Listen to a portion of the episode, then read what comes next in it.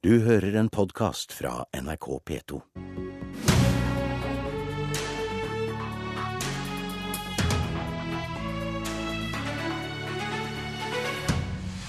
Regjeringa skryter av storsatsing på rus og psykiatri, men kan de garantere at pengene kommer fram til de som trenger det? Og helseministeren blir skylda for å sette tobakksindustrien sine interesser foran ungdom si helse. God morgen, dette er Politisk kvarter i studio, Astrid Randen. Torgeir Micaelsen, helsepolitisk talsperson i Arbeiderpartiet. Regjeringa har altså lova 200 millioner kroner ekstra til rus og psykiatri. Hvorfor tror du ikke disse pengene vil komme fram til deg som trenger deg? Jeg er veldig enig i at det er veldig dumt hvis vi ikke kan få til det i fellesskap. Fordi ungdom som tilbringer mye av skoletida si, eller dagen i løpet av, ja, på skolen, burde vi bruke bedre til å nå med helsetjenester. Og grunnen til at de ikke kan garantere eller få dette til, det er to grunner.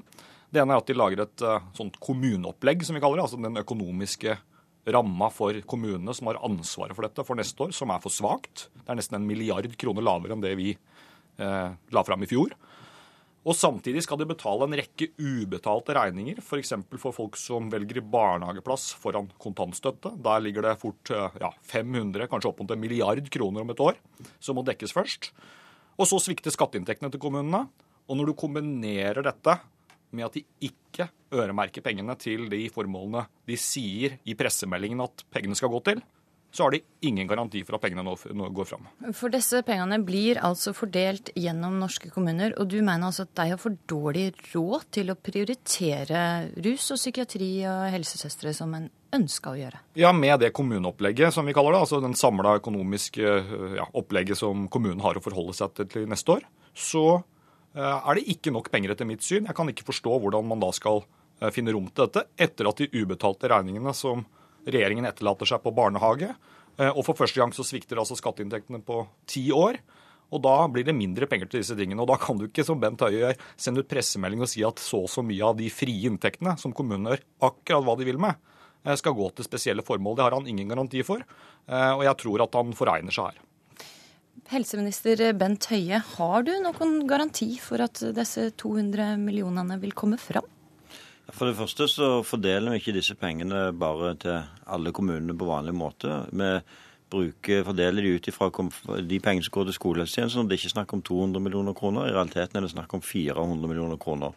Vi bruker 200, 200 til 200, rus og psykiatri, og så 200 ekstra til helse, til helsestasjonene og skolehelsetjenesten. For det handler om å starte tidlig innsats. og Det betyr at vi fordeler til sammen 400 millioner kroner. og De fordeler vi ikke i det ordinære inntektssystemet, de fordeler vi ut ifra f.eks. hvor mange eh, ungdommer det er i en kommune hvor mange er i en kommune som har helseutfordringer. sånn at disse pengene målrettes mot de kommunene som har de største eh, utfordringene. Og Dette er den vanlige måten eh, å gjøre det på. Samtidig så sier vi at, eh, til kommunene når de får disse pengene, disse pengene forventer vi brukes til den satsingen. Og så er det jo sånn at Jeg tror jo at vettet er likt fordelt i landet, og at kommunepolitikere er like opptatt av å gjøre en innsats innenfor skolehelse, rus og psykisk helse som vi som er på Stortinget eller i, i regjering. Sånn at når vi gir rom for denne satsingen, så forventer vi at òg lokalpolitikerne følger, følger, det opp. Og så er det ikke riktig, som Torgeir Micaelsen sier, at dette er et eh, opplegg som er dårligere enn det kommuneopplegget som de sjøl la fram for et eh, år siden. Tvert imot. Dette er innenfor et opplegg som òg gir kommunene større handlingsrom. For det Torgeir Micaelsen ikke tar inn i sitt regnestykke, er jo utgiftssiden. Eh, både befolkningsutvikling og pensjonsutgiftene gjør at, eh, at utgiftssiden er lavere i 2015 enn det var i 2014. Så dette er innenfor et mer robust opplegg enn det som eh, den forrige regjeringen eh, la fram. Ok, Så dere er heller ikke enige om opplegget til kommunene er bedre eller Nei, fordi dårligere enn tidligere? Han ser bare på den ene siden av regnestykket og ikke på den andre siden. og Da kommer han selvfølgelig ut sånn som han gjør, men du må se på den samla opplegget for, for, kommunene. og Da er dette en satsing innenfor et mer robust kommuneopplegg enn det som forrige regjering la fram. Og Dette er måten som vi fordeler disse 400 millionene på. Fordelte den forrige helseministeren for Arbeiderpartiet 180 millioner kroner på. Da kalte han det for et flaggskip i folkehelsesatsingen. Nå fordeler jeg over dobbelt så mye innenfor et mer robust kommuneopplegg. Da syns de det er veldig rart at Torgeir Micaelsen kommer og beskylder meg for ikke kunne sende ut en pressemelding, når hans egen eh, statsråd på dette området reiste land og strand rundt og skrøt av dette i fjor. Altså dobbelt så mye innenfor et mer robust opplegg. Dette kommer de i en satsing, både når det gjelder antall helsesøstre i skolen, flere jordmødre på helsestasjonene. Det kommer til å bety bedre tilbud for de menneskene som har rusproblemer og psykiske helseutfordringer i kommunene. Men jeg har ennå egentlig ikke fått svar på mitt første spørsmål. Kan du garantere at disse pengene kommer fram til deg som trenger det, eller kan de bli brukt til et nytt kommunehus eller ny asfalt? Jeg kan garantere at de pengene kommer fram til de kommunene som har de største behovene. Og så regner jeg med at eh, lokalpolitikerne har den samme interessen for å prioritere dette viktige området som det vi har. Og så skal vi selvfølgelig følge med på hvordan pengene blir brukt. Når det gjelder de pengene, 180 millionene som ble bevilget fra 2014, så får vi fasiten på det 15.6. Da vil vi jo måtte høste erfaring på om dette er en god måte å fordele pengene på. Men jeg hørte jo på nyhetene i dag at heller ikke Arbeiderpartiet har bestemt seg for om de vil øremerke disse pengene. Så sånn sett så er vi like langt. Nei, men det vil vi sterkt eh, si, vurdere, eh, og har det til vurdering. Og, Grunnen til det er at eh, helseministeren svarer jo ikke på spørsmål. Han har nemlig ingen garanti. og Det er ikke fordi kommunepolitikerne ikke gjør jobben sin, men det er fordi at i kommunene så er det mange udekte behov. Selv etter åtte år med Arbeiderpartiet i regjering så ser jo jeg også at på eldreomsorg, i skolen, en rekke andre ting i samfunnet, så er det ting å gjøre. Eh, men poenget er at jeg mener fortsatt at kommuneopplegget for i fjor var bedre. Men la nå den diskusjonen ligge. Høie kommer ikke unna at regjeringen har etterlatt seg en ubetalt ja, kanskje opp mot en milliard kroner i barnehager som kommunene må dekke, og skatteinntektene svikter. Og Jeg sier ikke at Høie er ansvarlig for at skolehelsetjenesten og helsesøstrene er for dårlig. Det har skjedd på min vakt også. Men jeg tror kanskje at vi burde bli enige om at dersom vi fra Stortinget skal si at noe er viktigere enn andre ting på, ja, fra et år til et annet, så bør vi vurdere å, eh, å øremerke. Og da syns jeg at Høie istedenfor å ja, hovere over hva som har skjedd, bør se framover og se om vi kunne blitt enige i Stortinget om noe bør løftes fram, f.eks. skolehelsetjenesten. Men var det ikke slik at det også i den rød-grønne regjeringa gjaldt de øremerka midlene, når det ikke har kommet store satsinger? Vi har forsøkt begge deler, og jeg legger ikke skjul på at det er fordeler og ulemper med å gjøre det på forskjellige måter. Vi forsøkte f.eks. For å gjøre det på den måten Bent Høie antyder når det gjaldt kommunalt barnevern for noen år siden. Det ga ikke veldig mange nye stillinger i barnevernet. Så valgte vi å øremerke. Da ble penga brukt til det vi hadde sagt hva skal jeg si, det skulle gå til. Eh, og Når det gjelder de 180 millionene som Høie peker på, som skulle gå til bedre helsestasjoner eller skolehelsetjeneste, det var altså bare det, det var ikke alt det andre i tillegg, så valgte vi å gjøre det på den måten Høie gjorde. Det tror jeg at når vi får fasiten, ikke vil gi de resultatene. Så Det viser ja, det, vel kompleksiteten i saken, men jeg mener i hvert fall at du kan ikke på den ene siden si at du på løpet av noen uker i fjor høst Bent Høie, så var du med som nestleder og skaffet 7000 millioner kroner i skattekutt. Da er dette småpenger til å legge på toppen av en eventuell satsing. Eh, hvis vi hadde blitt enige om det i Stortinget. Høie, hva gjør du hvis det viser seg at de pengene som en eh, løyva til skolehelsetjenester, ikke blir brukt til det de skal gjøre? Ja, da må vi selvfølgelig vurdere øremerking. Jeg har ingen prinsipielle motforestillinger om å bruke øremerker i en periode. Derfor var det jo Vil du da de, øremerke en, disse pengene? En av de første tingene jeg gjorde som helseminister, var jo nettopp å gjeninnføre øremerking av over 340 millioner kroner til rusarbeid i kommunene i årets eh, budsjett. og Det blir selvfølgelig òg eh, lagt opp til at det videreføres. Men da var det jo det stor motstand fra Torgeir Micaelsen, som mente at dette var en sterk inngripen i det lokale selvstyret. Så jeg syns kanskje at Arbeiderpartiet snart må bestemme seg eh, på dette området. fordi Vi så jo at på rusområdet var det et poeng å øremerke en del penger nettopp for å eh, motvirke den situasjonen vi er i. grunn Pga. Samhandlingsreformen så er det sterke økonomiske virkemidler når det gjelder de andre pasientene. så Derfor ligger det i bånn. Men så, på satsingen på toppen av det,